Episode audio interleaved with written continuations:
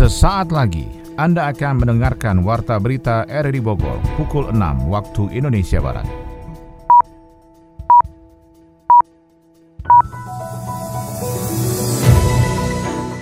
Selamat pagi, salam jumpa. Kami hadir kembali dalam Warta Berita edisi hari ini, Kamis 25 November 2021. Informasi ini juga turut disiarkan melalui audio streaming lewat RRI Play dan juga disiarkan lewat Radio Tegak Beriman Kabupaten Bogor, Jawa Barat dan Anda bisa akses di Spotify RRI Bogor. Berita utama hari ini adalah Wakil Gubernur Jawa Barat UU Ruzanul Ulu mengajak masyarakat menyikapi isu pembubaran Lembaga Majelis Ulama Indonesia dengan lebih bijaksana. Pemerintah pusat akan melakukan pengetatan mobilitas menjelang libur Natal dan Tahun Baru pada tahun ini, serta akan menerapkan pemberlakuan pembatasan kegiatan masyarakat PPKM di level 3. Saya Maulana Isnarto, inilah Warta Berita selengkapnya.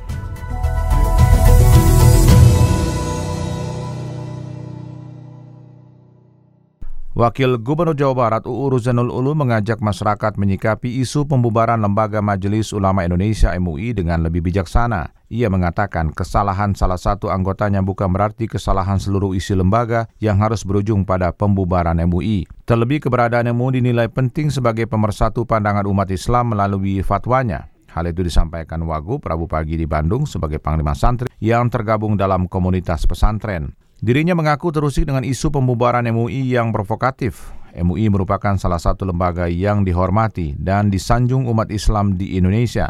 Terlepas dari pihak mana yang memulai isu pembubaran itu, Wagub menilai pihak tersebut sepatutnya berdiskusi terlebih dahulu dengan MUI terkait ilmu akidah, fikih dan tasawuf sehingga lebih paham esensi keberadaan MUI.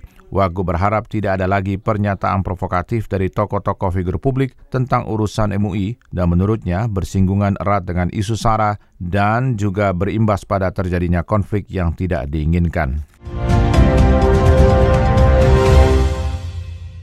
Pemerintah berkewajiban melindungi hutan dan kekayaan alam di dalamnya dari dampak negatif industri ekstraksi. Laporan disampaikan Yofri Haryadi. Kesadaran menjaga kelestarian dan keberlanjutan alam dan lingkungan hidup harus dimulai sejak dini, karena sejatinya manusia adalah bagian dari ekologi lingkungan yang tidak dapat dipisahkan sekalipun sebuah bangsa telah kehilangan ciri awal menjadi negara industri. Hal tersebut menjadi kajian umum dalam seminar lingkungan hidup BEM FISIP di Gedung C Universitas Juanda C Ciawi Bogor. Persoalan deforestasi dan perilaku yang berlawanan dengan prinsip kelestarian lingkungan hidup dibahas satu persatu dari berbagai sisi dengan narasumber dari Walhi dan Greenpeace. Pengkampanye Forester Greenpeace Indonesia Asep Komarudin mengatakan pemerintah berkewajiban untuk melindungi hutan dan kekayaan alam di dalamnya dari dampak negatif industri ekstraksi. Kondisi terkait dengan lingkungan hidup sebenarnya harusnya seimbang, tidak ada yang di, dikorbankan.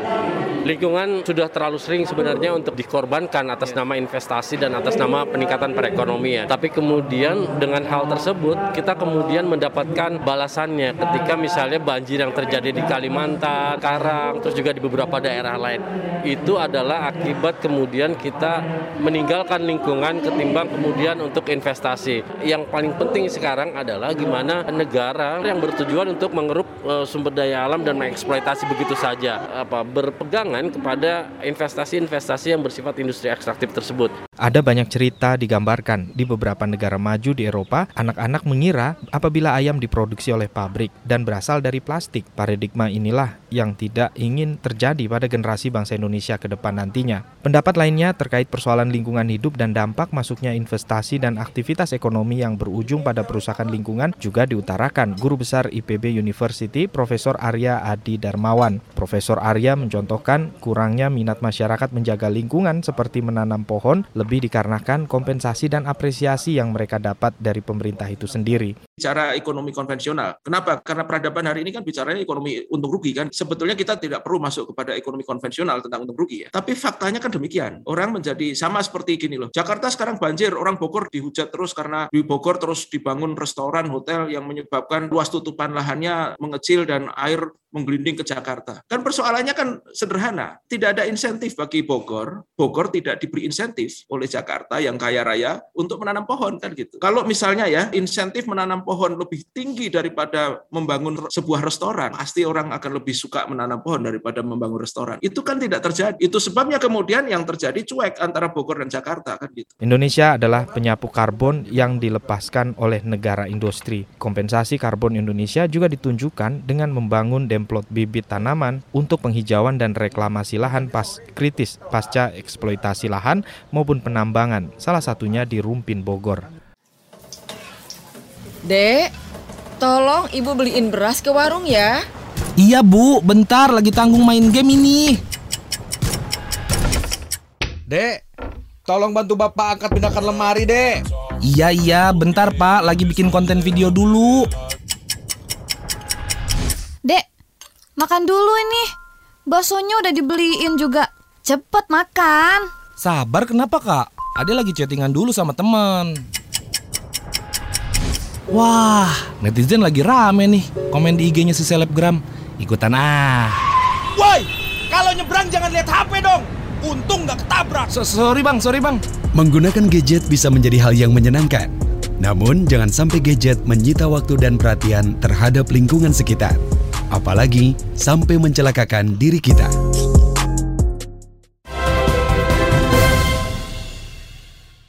Pemerintah pusat akan melakukan pengetatan mobilitas menjelang libur Natal dan Tahun Baru pada tahun ini, serta akan menerapkan pemberlakuan PPKM level 3 khusus Kota Bogor. Kapolresta Bogor Kota Komisaris Besar Polisi Susatyo Purnomo Condro mengatakan pihaknya masih menunggu arahan pemerintah pusat terkait hal tersebut, utamanya pemberlakuan program ganjil genap. Khususnya menjelang libur Natal dan Tahun Baru. Eh, iya, kalau misalnya statusnya diturunkan, nanti kita lihat apa petunjuknya dari pemerintah pusat dan apa yang harus kita lakukan. Tentunya kita semuanya dari Satgas akan mempersiapkan tidak hanya pembatasan mobilitas, termasuk juga kita akan menyiapkan kesiapan rumah sakit, tempat penampungan dan sebagainya tentu kita akan siapkan. Nanti hasil rapat Satgas akan disampaikan. Tentunya di masa situasi PPKM ini, walaupun memang Kota Bogor sudah relatif terkendali, namun pemerintah sudah menghimbau bahwa terjadi peningkatan angka setidaknya dua minggu terakhir ini apalagi kita adalah masuk dalam aglomerasi sehingga masyarakat tetap waspada tetap menjaga protokol kesehatan dan tentunya kita semuanya belum sepenuhnya bisa normal ya dan kemarin juga kita sudah merumuskan untuk langkah-langkah yang kita akan lakukan dari sejak 1 Desember nanti sampai dengan libur rata ruang sehingga tidak terjadi seperti Januari di tahun eh, 2021 kemarin. Sementara itu Menteri Dalam Negeri Mendagri Tito Karnavian telah menerbitkan instruksi Mendagri nomor 62 2021 tentang pencegahan dan penanggulangan COVID-19 pada saat Natal 2021 dan Tahun Baru 2022. Instruksi Menteri ini mulai berlaku pada 24 Desember 2021 sampai 2 Januari 2022. Adapun isi dari aturan itu di antaranya pelarangan cuti bagi ASN, Tentara Nasional Indonesia atau TNI, Polri, dan Badan Usaha Milik Negara, serta karyawan swasta selama periode libur Nataru. Anda tengah mendengarkan Warta Berita RRI Bogor. Kabupaten Bogor mencetak banyak lahan pertanian baru untuk menopang ketahanan pangan lokal, terutama di wilayah timur dan barat. Namun demikian, sarana penunjang pasca panen produksi tanaman pangan seperti lantai jemur dan lumbung pangan yang ada belum tersedia dengan baik. Kepala Bidang Distribusi dan Cadangan Pangan Dinas Ketahanan Pangan Kabupaten Bogor, Jona Sijabat mengatakan dalam Perda LP2B Kabupaten Bogor mengamankan sedikitnya 46.603 hektar sawah abadi sebagai penopang ketahanan pangan lokal. Namun terbatasnya lumbung pangan menjadikan hasil panen padi disimpan di banyak titik lokasi serta gudang sewa lainnya sehingga proses distribusi logistik beras tidak tersistematis karena disimpan di banyak lokasi berbeda. Infrastruktur lumbung, oh bayangin aja di Kabupaten Bogor yang segitu hebatnya Kabupaten Bogor. Gak punya lumbung? Lumbung aja masih Berapa? kurang. Lantai jemur masih kurang. Oh. Makanya kita hadir di Dinas Ketahanan Pangan. Tahun 2021 itu saya bangun lantai jemur aja tujuh. Selama 2021, Dinas Ketahanan Pangan Kabupaten Bogor telah membangun tujuh lantai jemur padi, belum termasuk lumbung penyimpanan. Jonas Sinabat berharap pemerintah Kabupaten Bogor memberikan atensi untuk membangun lumbung pangan sendiri agar mempercepat distribusi dan akurasi pencatatan kesediaan bahan pangan untuk beragam kebutuhan. Badan Amil Zakat Nasional Kabupaten Bogor memberikan seribu paket sembako untuk korban bencana alam di Kabupaten Bogor melalui Dinas Sosial setempat. Paket sembako bernilai kurang lebih 200 ribu itu berisi beras, telur, susu, makanan kering, dan kaleng dan akan dibagikan kepada warga pengungsi akibat pergeseran tanah di Sukawangi, Kecamatan Sukamakmur, dan warga Desa Harkat Jaya, Kecamatan Sukajaya. Kepala Dinas Sosial Kabupaten Bogor Mustaki mengatakan bantuan seribu paket sembako akan segera didistribusikan melalui Taruna siaga bencana. Bantuan yang dari ini sesuai dengan arahan beliau bahwa yang seribu ini adalah untuk kebencanaan. Kalau untuk penanganan pandemi itu kan banyak unsur yang terlibat dari gugus COVID. Sementara kita fokus yang satu ini untuk di kebencanaan. Enggak ke Sukamambur saja, se Kabupaten Bogor. Kemarin kan sudah sudah salur juga lagi. Enggak ada nilai. Ini kan e, bantuan sosial itu per paket. Per paket. Paketan, paket sembako. Selain penanganan pasca bencana, pemerintah daerah juga tengah menyusun rencana strategis pemindahan korban pergerakan tanah agar berpindah dari lokasi lokasi pengungsian ke hunian sementara hingga ditentukan lokasi untuk pembangunan hunian tetap bagi warga yang berada di lokasi rawan bencana tersebut. Dari dunia ekonomi, Kemendak saat ini menyatakan bahwa harga crude palm oil atau CPO yang tinggi menyebabkan harga minyak goreng curah mencapai Rp17.000 per liter. Menteri Investasi Kepala BKPM Bahlil Lahadalia mendapat amanat dari Presiden Jokowi bahwa investasi di 2022 harus mencapai 1.200 triliun. Adi Fajar melaporkan. Kementerian Perdagangan mengungkapkan harga minyak goreng masih mahal. Direktur Jenderal Perdagangan Dalam Negeri Kemendak Oke Nurwan mengungkapkan, saat ini harga crude palm oil atau CPO yang tinggi menyebabkan harga minyak goreng curah mencapai Rp17.000 per liternya. Kenaikan harga minyak goreng ini disebabkan fenomena super cycle commodity di tahun 2020-2021 yang diakibatkan stimulus ekonomi negara maju, nilai tukar dolar yang kian melemah, dan permintaan yang naik drastis di Cina dan negara lain di Asia. Akibat dari fenomena ini, beberapa negara mulai menyimpan stok komoditas dalam jumlah yang besar, terutama untuk komoditi, energi, hingga pangan. Selain minyak, harga kedelai juga meningkat. Hal ini tentu akan mempengaruhi produksi tempe dan tahu yang bergantung pada kedelai impor.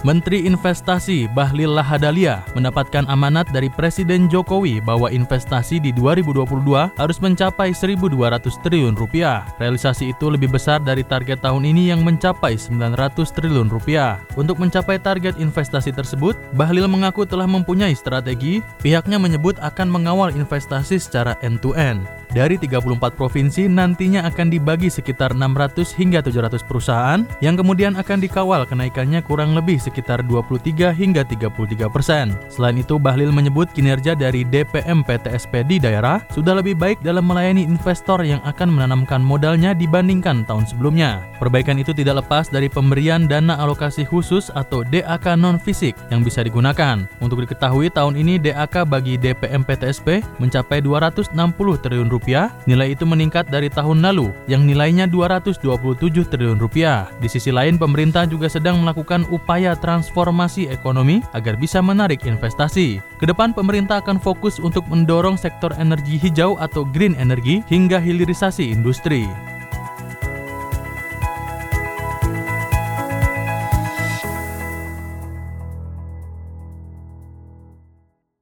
Dari mancanegara, Badan Kesehatan Dunia WHO memperingatkan adanya potensi jumlah kematian karena COVID-19 di Eropa dan sebagian Asia mencapai 700 ribu orang pada Maret 2022. Melansir BBC pada hari Rabu, WHO menyebutkan korban meninggal karena COVID-19 sudah melebihi satu setengah juta di 53 negara Eropa saat ini. WHO kemudian memperingatkan stres tinggi atau ekstrim di unit perawatan intensif di 49 negara dapat terjadi pada Maret 2022 dan Eropa menghadapi lonjakan kasus COVID-19 mendorong Austria kembali pada aturan lockdown dan pembatasan lainnya yang dipertimbangkan untuk langkah-langkah baru pengendalian. Sejumlah negara termasuk Prancis, Jerman, dan Yunani mempertimbangkan suntikan booster COVID-19 sebagai persyaratan bagi warganya dianggap telah divaksin lengkap. Namun beberapa negara telah menghadapi protes keras terhadap aturan baru tersebut, misalnya dalam beberapa hari terakhir di Belanda. Hal ini tengah terjadi kerusuhan karena lockdown parsial. Dalam penilaiannya, WHO memperingatkan COVID-19 dapat menjadi penyebab kematian tertinggi di Eropa pada 2022. Assalamualaikum warahmatullahi wabarakatuh. Saya Arif Satria, Rektor IPB. Mari bersama RRI Radio Tangga Bencana COVID-19 Kita tingkatkan sikap disiplin untuk menjaga diri, keluarga, dan masyarakat sekitar kita untuk melaksanakan protokol kesehatan dan pola hidup sehat. Mari kita tingkatkan kekompakan kita untuk menghadapi bencana pandemi COVID-19 dengan penuh optimis. Semoga pandemi COVID-19 segera berlalu. Wassalamualaikum warahmatullahi wabarakatuh. Dari olahraga, Chelsea dan MU menjadi dua tim terbaru yang lolos ke babak 16 besar Liga Champions Eropa 2021-2022. Pengurus Persatuan Tinju Amatir Indonesia Pertina Kabupaten Bogor terus mempersiapkan para pentinjunya untuk bisa meraih hasil maksimal di Porprov Jabar 2022. Kita ikuti laporan olahraga bersama Ermelinda.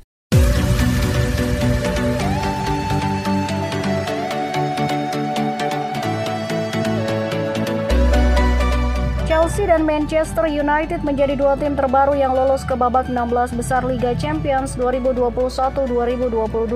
Langkah kedua wakil Inggris tersebut ditentukan lewat hasil apik yang mereka raih pada matchday ke-5.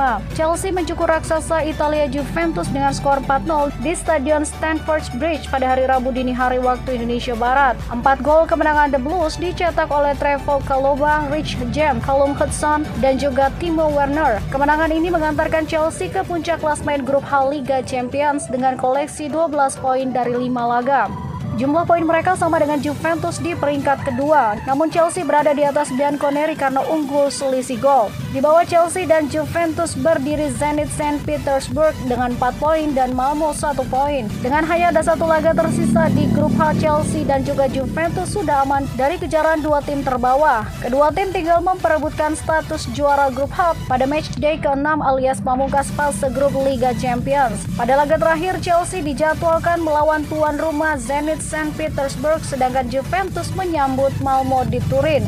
Sementara itu, Man United lolos ke babak 16 besar Liga Champions usai menang 2-0 atas tuan rumah Villarreal di Estadio della Ceramica dini hari tadi. Dua gol kemenangan Red Devils dicetak oleh Cristiano Ronaldo dan juga Jadon Sancho. Tambahan tiga poin dari pertandingan melawan Villarreal tersebut memastikan Man United keluar sebagai juara grup F Liga Champions 2021-2022. Mereka sudah mengemas 10 poin dari lima pertandingan dan unggul tiga angka dari Villarreal Villarreal di peringkat kedua. Dengan satu laga tersisa, poin Man United memang masih bisa disamai oleh Villarreal pada matchday terakhir. Namun apabila itu terjadi, Man United tetap bertahan di puncak karena mereka unggul head-to-head atas tim kapal selam kuning julukan Villarreal. Pengurus Persatuan Tinju Amatir Indonesia Pertina Kabupaten Bogor saat ini terus mempersiapkan para petinjunya untuk bisa meraih hasil maksimal di Porprov Jabar 2022. Asnan selaku Ketua Pertina Kabupaten Bogor mengatakan beberapa try-in sudah dilakukan sebagai ajang pemanasan. Bahkan selama masa pandemi COVID-19, latihan juga tetap dilaksanakan dengan menerapkan protokol kesehatan. Berbicara target, Pertina Kabupaten Bogor optimis bisa mewujudkan target meraih 8 medali emas sesuai yang diminta KONI Kabupaten Bogor. Untuk Pertina Kabupaten Bogor terkait dengan kegiatan Porda Jabar di tahun 2022, kita persiapan-persiapan sudah, mulai dari sekarang. Target sih 8, tapi mudah-mudahan lebih dari 8 emas. Kita sudah persiapan dan terus kita gembleng dan kemarin pun di sasana tinju kita di Cilimekar itu kedatangan salah satu pelatih yang memberikan ilmunya ya, terhadap uh, kita di untuk Kabupaten Bogor. Sekali lagi untuk target Porda di Jabar kita menargetkan 8 emas tapi mudah-mudahan lebih.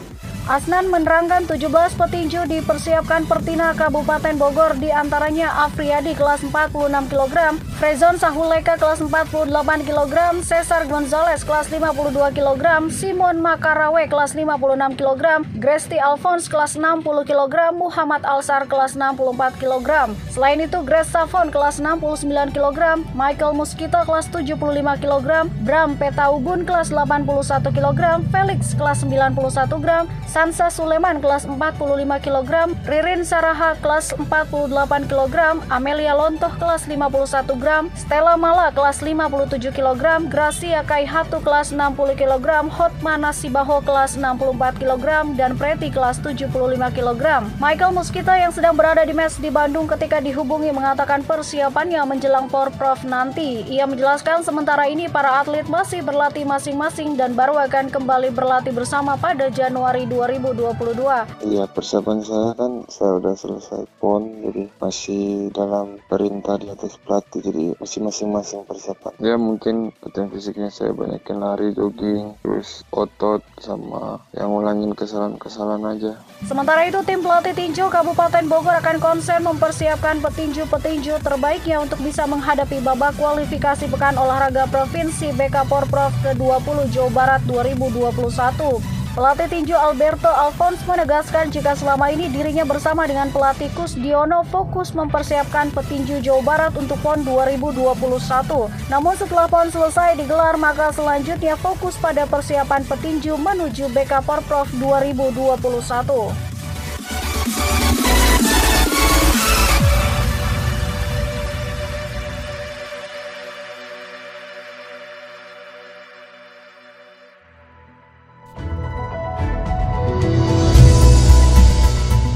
Demikian rangkaian informasi yang kami hadirkan di Warta Berita RRI Bogor pagi ini. Sebelum berpisah, kami kembali sampaikan berita utama. Wakil Gubernur Jawa Barat UU Ruzanul Ulu mengajak masyarakat menyikapi isu pembubaran Lembaga Majelis Ulama Indonesia dengan lebih bijaksana. Pemerintah pusat akan melakukan pengetatan mobilitas menjelang libur Natal dan Tahun Baru pada tahun ini serta akan menerapkan pemberlakuan pembatasan kegiatan masyarakat PPKM di level 3. Saya Molanes Narto, bersama tim yang bertugas pada hari ini mengucapkan terima kasih atas perhatian Anda. Selamat pagi dan sampai jumpa.